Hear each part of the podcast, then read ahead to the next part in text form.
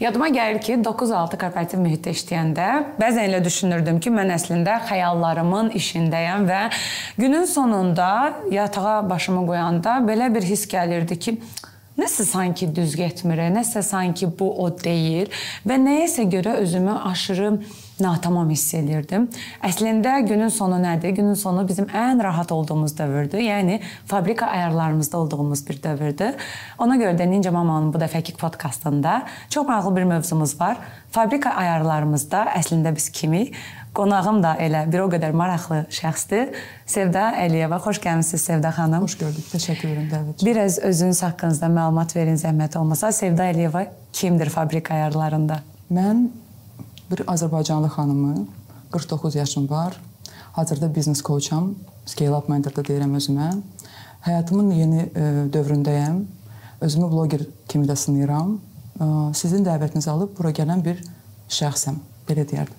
Xoş gəlmisiniz. Fabrika ayarlarımızda əslində bir çoxlarımızın o son dönəmə gedib çatdığımız yer niyə necəsə olur ki, biz sizinlə də söhbətlərimizdə deyirdik ki, natamamlıq hissi bizə daim özünü inkişaf etdirmə eşqi verir, motivasiyası verir. Necə başa düşək ki, biz əslində burada natamamlıq hissini yaşayırıq. Yəni bu hissləri ayırd etməyin özü hardan gəlir, keçir? Ümumiyyətlə natamamlığın əksini desək bütövlükdür əslində. Hı -hı. Bütövlük də elə bir duyğu, vəziyyət belə deyək, insanın hiss etdiyi duyğularla bərabər bir şəkildə gələn ona hissiyatdır ki, mən keçmişimi tam qəbul edirəm. Bu günümə görə şükür edirəm və gələcəyim, yəni gələcəyimlə əlaqədar bir vizyon sahibiyəm. Bütövlüyün e, tanımı budur əslində. Yəni keçmişi qəbul etdiyim zaman biraz belə artıq banal səslənir qəbul etmək sözü sevmək, bu qədər yəni devalvasiya olunur artıq bu biraz e, sözlər yerli, yersiz istifadə etdiyim üçün nədir qəbul etmək bu anlamda? Yəni keçmişimlə əlaqədar nə üçün bu mənə başıma niyə gəldi sualın cavablarını bilir insan. Hı -hı. Bu keçmişdir, yəni inteqrasiya olunub tam olaraq. Bugünü yəni bugünü yaşadığı zaman şükür hissi ilə yaşayır. Yəni çünki şükür edəcəyimiz bir çox şey var. Yəni bu gün üçün kofe istədim, getdim kofe aldım, gəldim suyum var. Sizi görürəm. Bu qədər burada insan bizə kömək edir. Gözəl bir çəkiliş aparırıq. Yəni şükür edəcəyimiz bir çox şey var, amma bu inteqrasiya tərəfi yaşamadığımız zaman bu şükrü hiss edə bilmirik. Çünki Ab keçmişlə əlaqədar sorğuluyuruq özümüzü. Ki niyə belə oldu? O hissəyə toxunacaqdım. Elə ki e, heç də hər kəs keçmişini qəbul etmir və ən aktual istifadə edilən, edilən sözlərdən biri budur ki, bağışlamıram. -hı. Məsəl üçün siz qəbul etmək dediniz, amma bir çox insanlar buna keçmişdəki səhvlərimi və yaxud da keçmişdə filan insanların mənə etdiyi səhvləri bağışlamıram. Bağışlamaqdırmı həqiqətən bu duyğu, yoxsa mövcudu qəbullanmaqdırmı? Yəni bu ikisi arasındakı bizə zərər verən o duyğusal tərəfi nədir bu bağışlanmağın və qəbul etməyin? Yəni bağışlamaq ə, hissi böyük bir hissiyatdır əslində. Mən deyərdim ki, bir çox e, hallarda bizim müxtəlif təcrübələrimiz ya o suç dediyimiz, yəni e, günahlarımız, günah, günah hiss edirik, günahkar hiss edirik özümüzü, ya da ki e, şükürlü hiss edirik özümüzü. Yəni mən şükranlıq duyğusunda Geçdar yanaşmasına adaptə olduğum üçün, yəni bir hər bir təcrübə vahidimiz bu hisslərlə bitir ya günahkar hiss edirəm özümü, ya utanıram nəyəsə görə, ya da ki, yəni o seven why biz e, soruda olasaq, ora gəlib çıxır. Ya da ki, şükürlü hiss edirəm, yəni şükür hiss edirəm ki, bunlar baş verdi. Mən bu təcrübənin bir hissəsi oldum, mən bunu yaşadım. Bağışlamaq o qəbul etmənin bir parçasıdır. Bəzən kimisə bağışlamayan insan ən çoxu elə özünü bağışlaya bilmir bir çox şeylərə görə. Hı -hı. Yəni onun alt tərəfində, yəni necə ki biz dedik, yəni ki kimsə mühakimə etdiyi, etdiyimiz zaman ilk növbədə biz özümü, özümüzü mühakimə edirik. Yəni o olmasa digərinə qarşı o hiss yaratmır. Ya zaten mən o hissləri yaşadığım hissləri ilk öncə özümə qarşı yaşayıram. Ona görə deyirlər ki, özünü sevməyən insan yaxşı mənada, yəni tam yəni egosentrikdən, egosentrizmdən söhbət getmir. Digərinə qarşı tam dolğun hiss, e, sevgi hissi hiss edə bilməz. Yəni bağışlama bunun bir tərəfidir yalnız.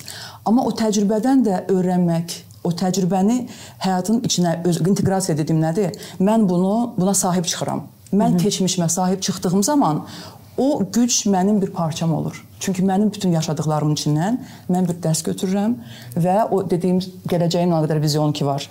Onu burada dezinteqrasiya varsa mən onu istədiyim kimi tikə bilmirəm, görə bilmirəm, qura bilmirəm. Aldığım reaksiyalardan ən çox qənaətə gəldiyim bir nöqtə var ki, insanlar korporativ mühitdə çalışdıkları zaman özlərini əksik hiss edirlər. Daha çox da daha aşağı pozisiyalarda çalışan insanlar özlərini elə hiss edirlər ki, onlar sadəcə işləmək üçün yaşayırlar və bir yerdə motivasiyanın ən dibinə gedir çıxırlar və başlayırlar günahlandırmağa. Ailəsini günahlandırır, doğru təhsil vermədiyi üçün, yaşadığı cəmiyyəti günahlandırır, ətrafındakı insanları günahlandırır, özündən başqa hər kəsi günahlandırır və özünü mərkəzdən alır, atır kənara və bir çox hallarda bunu əsas mərkəz olaraq ailəni qoyur ortaya ki, ailəm mənə yaxşı təhsil versəydi, nə bilim, quruğum yaxşı olsaydı belə tam belə loru dildə desək və yaxud da ki, atamın qazancı yaxşı olsaydı məni yaxşı yerlərdə oxudardı, mənə yaxşı savad. Yəni bunun belə deyək, o özünü günahlandırmadan qaçmanın təməlində əslində bəlkə də elə özünü bağışlamamaq detalı durur, yoxsa bəlkə mən yanlış düşünürəm o istiqamətdə. Bilirsiniz, bu mənə mənə görə bir yoldur da. Yəni türkcə yolçuluq sözü var da. Yəni bu bu yolda sənə kiçik bir istiqamət verən bir insan ola bilər, mentor ola bilər ümumiyyətlə tanımadığın, tanış olduğun şəxs ola bilər. Hansısa həyat həyatda bir həyatımızda yəni trigger rolunu oynayan bir hadisə baş verə bilər ki, bu hadisədən sonra mənim özümə dönüşüm başlayır. Çünki yenə deyirəm, bu bütün projektorları hazırda gördüyüm spotlightda mən olmalıyam ki, mən bunu nə üçün yaşadım, necə oldu yaşadım.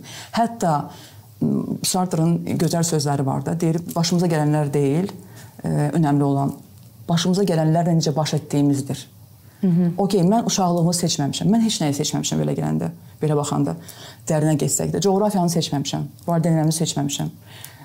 Mən Sumqayıtda anadan olmağımı seçməmişəm. Yəni nəslimi seçməmişəm. O epoxanın insanı olmağı seçməmişəm.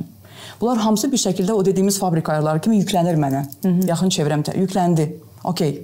Sonra həyatda bir anda başa düşürsən ki, yüklənən başqadır, mən istədiyim nədir yaxşı?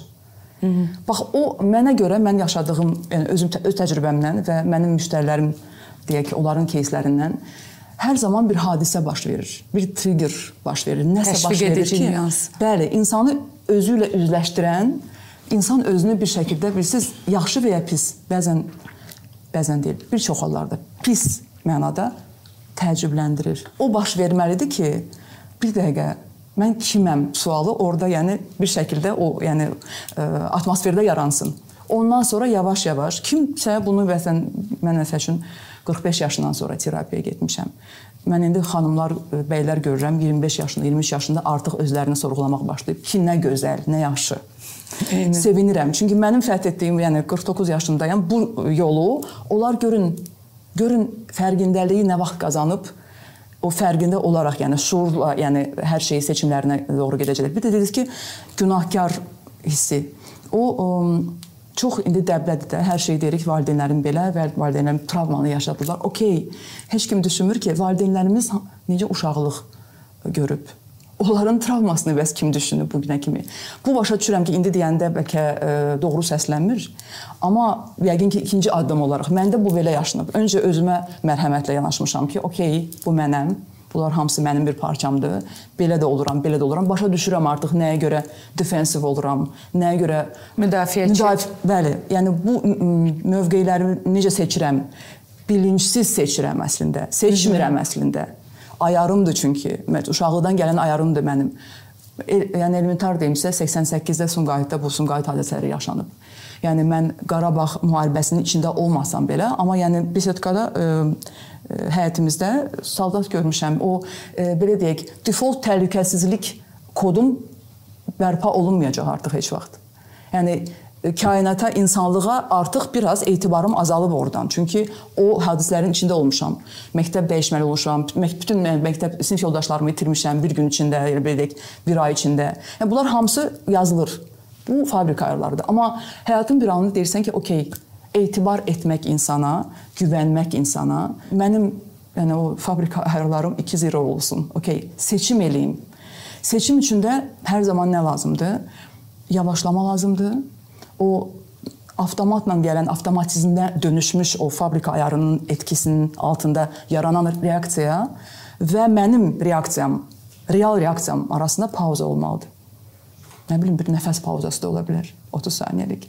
Ki o yəni sənə kömək edir ki, birincili olaraq, yəni fərqində olursan və o seçimi özün edirsən. Bu yaxınlarda bir terapiyada olmuşdum Hı. və e, fabrika ayarlarımda istəmə şəklimin hər zaman savaşma şəklində olduğunu gördüm. Bu fabrika ayarları getdi çıxdı 3-5 yaş perioduna. Harda ki mən xatırladım ki, mən indiyənə qədər uşaq kimi mən bu, bu suyu içmək istəyirəm deyəndə, hə götür bu suyu iç ya da bu suyu içə bilmərsən çünki deyə bir qarşılıq almamışam. Mən bu suyu içmək istəyirəm deyəndə yox olmaz qarşılığı almışam və qarşılığında mən çığıraraq ağlamışam və onu mənə verməlisiniz, onu mənə verməlisiniz deyə bağırmışam. Və dönüb 31 illik həyatıma baxanda onu mənə verməlisiniz, o mənim olmalıdır deyə zaten hər şeyi əldə eləmişəm. Və fabrika ayarlarımda bu mənə gələcək, çünki mən buna layiqəm yoxdur. Fabrika ayarlarımda o var ki, bunu mən əldə etməliyəm. Yumruqla, yeri gələndə sözlə, yeri gələndə nə bilim hər hansı bir belə deyək də zoraki metodla. Və dönüb baxanda ki, fabrika ayarlarımızın demək ki, təməli elə bizim 3-0-5 yaş arasında qurulur. O zaman bizim bugünkü cəmiyyətimizdə sizcə valideynlərin bu istiqamətdən ən birinci atmalı olduğu addımlardan biri nədir? Çünki təəssüflər olsun ki, heç də hər kəs özəlliklə bizim cəmiyyətdə şuurlu şəkildə valideyn olmur. Çox ciddi faiz etibarilə uzağa getməyin. Çox ciddi faiz etibarilə sonsuz qalmamaq üçün onun bunun qeybət obyekti olmamaq üçün, özünü sübut eləmək üçün, özünü yaxşı gəlin göstərmək üçün və və başqa başqa başqa başqa faktorlar üçün ana olurlar. Və burada mən həqiqətən ana olmaq istəyirəm ehtiyacı neçənci pillədədir, artıq onu çıxartmaq lazımdır. Və bu gün bizim valideynimiz necə o fabrika ayarlarını düzgün tənzimləsin. Belə bir deyim var ki, e, nə istəyirsiz eləyin, onsuz da hər kəs öz travmasını alacaq. Çünki travmaya bizdə, yəni bizim cəmiyyətdə yenə çox neqativ konotasiya verilir. Əslində elə deyil. Travma bizim yaradıcı adaptasiyamızın səbəbidir. Yəni əslində bizim uğur, uğurumuzun həm səbəbidir, həm nəticəsidir. Yəni belə baxanda Hı -hı. travma bizi unikal edir. O travma o zaman bizi bir şəkildə şəkilləndirir. Mən indi yəni ciddi violence la bağlı travmalardan, Hı -hı, təbii ki, şiddətlə bağlı travmalardan danışmıram təbii olaraq, o fərqli. Amma yəni məni mənədən mənim həyat yolumdur. O həyat yolumun bir uşaqlıq qismi var ki, çox məni şəkilləndirib. Siz dediniz məqama qayıtdıqdan sonra biraz yəni neqativ səsləndi ki, e, kim nəsə deyəcək. Bəzən ana mənim ilk analığım evlilikdən sonra nə olmalıdır ailə ailəsi, e, ailə o zaman üçün. Yəni 2001-ci il üçün uşaq yəni təbii bir haldır. Yəni heç kim bunu sorğulamırdı. Mən də sorğulamırdım.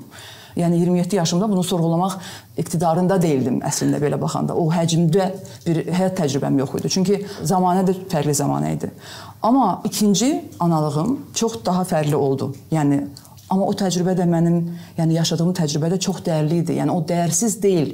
Mən onu özüm dərk edərək seçmədiyim üçün o demək deyil ki, o dəyərsizdir. Bunu mən Hı -hı. altını cızaraq mənim inancımdır, çox yəni. Çox gözəl bir nüans. Çox vacibdir, yəni. Bəzən həyatımıza istəmədiyimiz şeylər gəlir, amma nə yaxşı ki gəlir.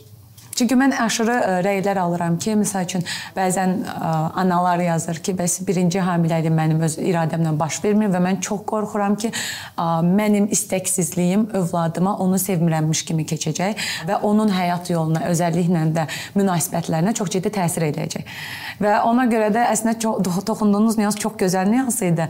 Çünki ə, sanki belə bir dövr var ki, 2000 mən buna belə baxıram. 2 sosial media dövrünə qədər Aha. və sosial mediadan sonrakı dövrə qədər və sosial mediaya qədərki mənə elə gəlir ki, nəsil sanki ümumiyyətlə o istiqamətlə sorğulamaları indiki dərəcədə olmayıb. Təbii. Məsəl üçün siz deyirsiniz 45 yaşında o sorğulamaya keçmisiniz. Bəlkə də sosial media sizin həyatınızda olsaydı və bu qədər məlumat axını olsaydı, siz ona elə 20-li yaşlarda keçərdiniz. Bu da başqa bir reallıqdır. Amma digər tərəfdən travmalar hər zamanmı neqativdir? Elə ona toxunmuşdum. Yəni öncəki sualınıza cavab olaraq yəni tam verim. Yəni valideynlər necə Hı -hı. aşılamalıdır ki, travmasız. Mən bunun mümkün olduğunu hesab etmirəm. Bu imkansız bir şeydir. Hər valideyn bir şəkildə istəyərəkdən də hətta travmalaya bilər insanı və bu travma sözü ümumiyyətlə yalnız neqativ konotasiya deyil, mənim həyatımın bir parçasıdır ki, bu məni bir şəkildə şəkilləndirir, şəxsiyyətimə yön verir və mən daha sonra artıq fərqindəliyim yarandığı zaman seçimlərimi seçərək edə bilərəm. Amma dediyim kimi, mənə görə ən böyük burada amil sevgidir. Kifayət qədər patriarxal bir ailədə böyüyən qız uşağı kimi deyə bilərəm ki, tabulardan uzaq durun. Yəni yalnız bunu deyə bilərəm. Çünki mən psixoloq deyiləm, terapevt deyiləm. Sadəcə yəni bir təcrübəm var və gestalt terapiyanı və ekzistensial gestalt terapiyanı oxumuşam. Gestalt coaching istiqamətini seçmişəm. Çünki mənim üçün maraqlı olan bu gün və gələcəkdir. Amma bu da burdan qayıtmayanda gələcəyə getmək imkansızdır. Şiddətli gələcəyə daşımaq insanı inteqrasiyasız. Və dediyim olacaq ki, yalnız var sevin və tabulardan yəni uzaq durun. Yəni biraz azad şəxsiyyət e, böyütməyimizdə məncə yəni e, biraz da deyil, fayda var. Özü öz məhdudiyyətlərini bilsin, tanısın daha sonra. Yəni bunu da dediyim zaman baxın, yəni bir çox şeylər tabu olaraq razvedka durub orada. Siz yəni deyəcəksiniz ki, bu injection olaraq mənə bir şəkildə introyekt olaraq aşlanıb, e, yeridilib çevrəm tərəfindən. Təbii olaraq uşaq balaca oldun, deyəcəksiniz ki, bura getmə. Olmazların da ehtiyacı var. Yəni olmaz bizim təkamülümüzün bir yəni parçasıdır. Yəni qorxu olmasaydı biz burada nə edirdik indi? Eynən, eynən. Sağlıq olmayacaqdı yəni.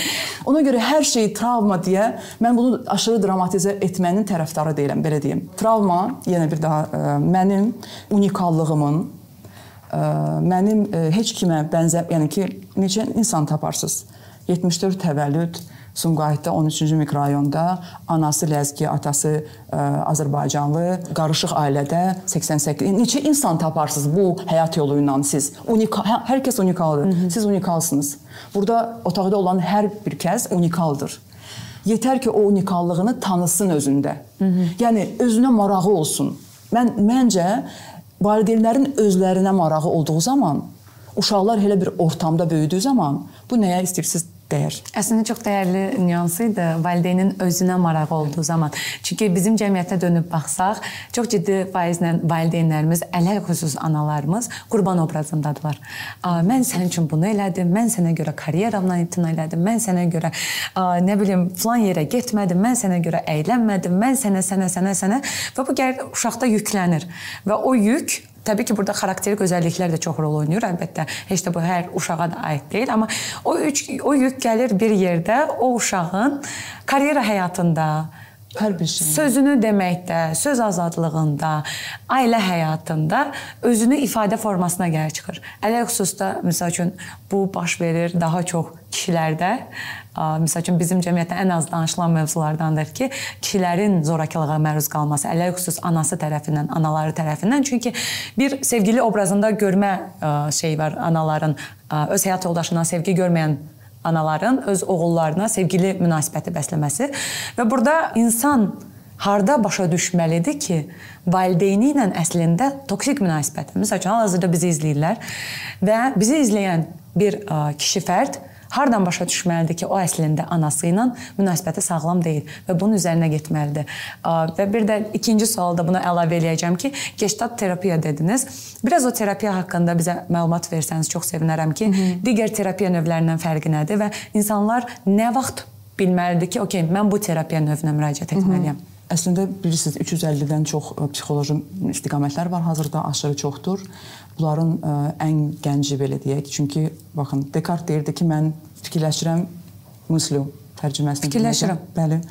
Deməli mən mövcudam.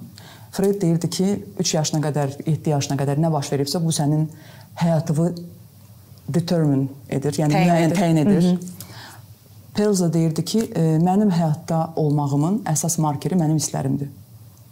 Nə zaman mən özümü canlı hiss edirəm, o zaman mən nəyisə deməli e, həyatımı yaşayıram. Yəni hisslərdən danışır gestalt terapiya əsasən.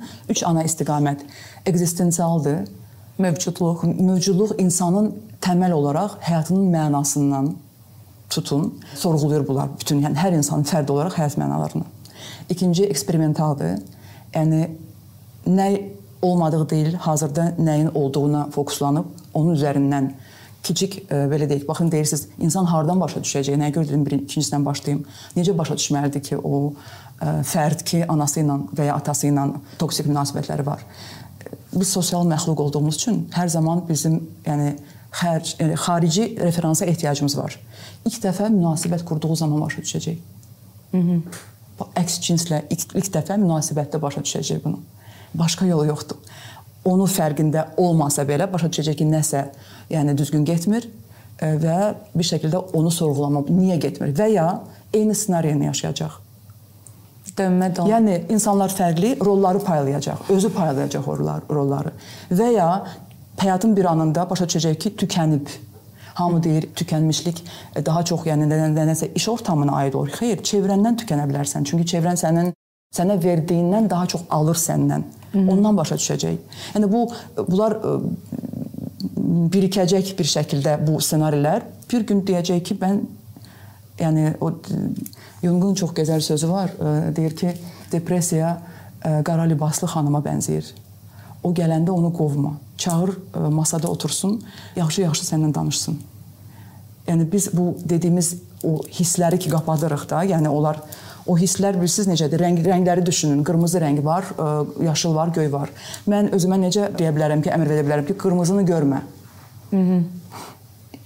Yəni və ya yaşılı görmə. Dalto, yəni emosional daltoniklərə dönür insanlar. Sonra başa düşür ki, artıq o gözəl rəngləri də görməməyə başlayır və o anda sorğulamağa başlayacaq və başa düşəcək ki, onun bütün rutu, kökləri, qatları hamısı gedir. Yəni indi sizin кейsinizdə, yəni denotlarımda bilmirəm keysləri. Açığı mən elə bir şey görməmişəm ki, keyslərimdə də. Yəni mən çünki coachingdə işləsəm belə insanlar gəldiyi zaman e, normalda yəni 35 plusdır mənim seqmentim, yaş seqmenti olaraq. İnsan keçmişini qapının arxasına qoyub gəlmir də, gəlir və bir də görürsüz ki, sessiya əsnasında başa düşürəm ki, tükənmişik. Sessiya, yəni biz gedə bilmirik. Enerji yoxdursa, Hı -hı. Ə, üçüncü prinsip olaraq gestalt terapiyanı bir laboratoriya kimi düşünün onu. Yəni biz ünsiyyətdə təmasda yaşadığımız travmaları gestalt terapevt bir daha yaşadaraq reframe edir onları ki mən orada bir, yəni o ağrını ağrımı resursa çevirməliyəm. Çünki insan elə bir məxluqdur ki, bütün ağrılarını resursa çevirə bilər. Və o anda onu yaşadığı zaman mən ona deyə bilmərəm ki, bilirsiniz biz coaching e, yanaşmasında işləyirik. Siz gedin terapevtlə bu məsələni həll edin, sonra gələrsiniz. Təbii olaraq bəli, ona görə də mən oxumuşam, çünki orada biz onu ə, e, tam içinə girməsək də mən onu götürüb orada kup eləyib, yəni resursu götürüb deyirəm ki, bunu da terapevtlə işləsəniz çox yaxşı olar. Çünki məhz gələcəyə Bilirsiniz, ə, aqressiya sözü bizim cəmiyyətdə ən ümumiləşmiş sözdür. Yəni Gestalt insan yanaşma... emosional da danışanda deyir aqressiv. Bəli, aqressivdir. Gestalt ə, yanaşmasında aqressiya insanın ehtiyaclarını qarşılaması üçün yəni ona yönəlik bütün yəni ona yönəlmiş bütün hərəkətlər, impulslar enerjidir. Yəni mən mənim aqressiyam olmasa mən bu gün burada gəlib sizlə danışa bilməzdim bütün o həyəcanımın e, kontekstini nəzərə alsaq ki, Azərbaycanca necə olacaq, yadınızdadır danışmışdıq eynən, sizlə. Eynən. Mən burada oturub çünki bir yaxşı mənada bir enerji impulsum var ki, mən bunu mən özümün bir şəkildə həyatda təzahürümü istəyirəm. Hı -hı. İnsan təzahürünə hər zaman ac olmalıdır. Bu da ona, yəni həm özünə qarşı maraq olmalıdır, həm özünün bir şəkildə bütün amilləri ilə, bütün ə, e, müxtəlif tərəfləri ilə təzahürünü, autentik təzahürünə ac olmalıdır yaxşı mənada. Gestalt terapiya autentik nəyi nə vaxtsa e, şeyimə utanca görə, günahkarlığa görə, o hisslərə görə qapatmışamsa, bir müddət onlar e, şey kimi işləyib, defens mexanizmləri kimi işləyib, müdafiə, müdafiə mexanizmləri kimi işləyib. Daha sonra artıq kəmikləşdirib səni. Yəni yararlı deyil, onu boş verin. Mənim hərəkətlərimi artıq düşünün ki, üstünüzdə bir şey var. Yəni artıq kəmikləşmişəm. Mən o uşaqlıqda o travmalar mənə qarşı gələndə yaradıcı adaptasiya ilə çıxdığım yolları artıq bacarmıram. Və hmm. necə deyirəm, takılıb qalıram o, yəni o mövqedə. İnsan böyüyəm, yəni kamil insanam, yetkin insanam, amma özümü uşaq hiss edirəm. İş məsəl üçün ortamlarında çox olur. Qurban əslində nədir? Uşaq, child. Ə, yəni eyni eyni şeydir, pozisiondur əslində. Çünki birisi gəlib məni xilas edəcək deyə düşünürəm. Halbuki bəlkə evində böyüyü məndən artıq. Yəni hmm. yavaş-yavaş bu şəkildə, yəni o o paradigmaları dəyişərək burada ən ən önəmli gestalt terapiyada yanaşmada ən önəmli fərqindəlikdir. Mən fərqində olmalıyam ki, mən bunu bu şəkildə etdiyim zaman, məsələn mən dedim sizə bu gün gələndə ki, dediniz ki, həyəcan, dedim həyəcanlıyam, mənim üçün normaldır. Aha, eynən. Çünki mən artıq tanıyıram ki, mənim həyəcanım baxın artıq indi yoxdur hazırda. Bədənimdə belə hiss etmirəm bunu. Danışırıq, təmasdayıq sizinlə. Mənim kamera həyəcanım var, bilirəm, tanıyıram özümü. Yəni özünü tanımaq, özü olmaq üçün gestalt terapiya mənim üçün e, mən psixoanalizdə də olmuşam, yəni özüm fərdi olaraq gestalt terapiyada olmuşam. Mənə görə mənim üçün yarayan, yəni hər kəsə bunu Hı -hı. E, şey e, yəni aşılamaq istəmirəm bu şəkildə, propaganda şəkildə, təbliğat şəkildə. Mənim üçün ən yaxşı işləyən e, məqam odur. Yəni təmasda eyni situasiyaları, ssenariləri yaşayıb onları başqa çərçivə vermək. Belə deyək. Çox təşəkkür edirəm Sevda xanım. Həqiqətən çox fərqli bir podkast oldu bu mənim üçün. Mənim özüm üçün də bir çox detallarda fərqindəlik yaşadığım bir mövzu oldu. Sizə təşəkkür edirəm Mən gəldiyiniz üçün. Doğum suallarınız üçün çox sağ olun. Belə dostlar, Ninja Mamanın bu dəfəki podkastında mövzumuz fabrika ayarlarımızda əslində biz kimik və natamamlıq hissi bizdə nə vaxt yaranır idi. Əgər podkastla bağlı sizə hər hansı bir suallar maraqlıdırsa, aşağıda rəy bölməsində yazmağı və suallarınızı verməyi unutmayın. Növbəti qonağımızın kim olması ilə bağlı təklifləriniz varsa, yenə də rəy bölməsində yaza bilərsiniz. Ninja Mama podkastının növbəti seriyalarında da maddi dəstəyinizi göstərmək istəyirsinizsə, bir növ Patreon effekti deyək. O zaman aşağıda izahat bölməsində link yerləşdirmişəm. Oradan mənə kofe alaraq da bunu göstərə bilərsiniz. Təşəkkür edirəm bu dəqiqəyə qədər qalıb izlədiyiniz üçün. Növbəti Ninja Mama podkastlarında görüşənə qədər.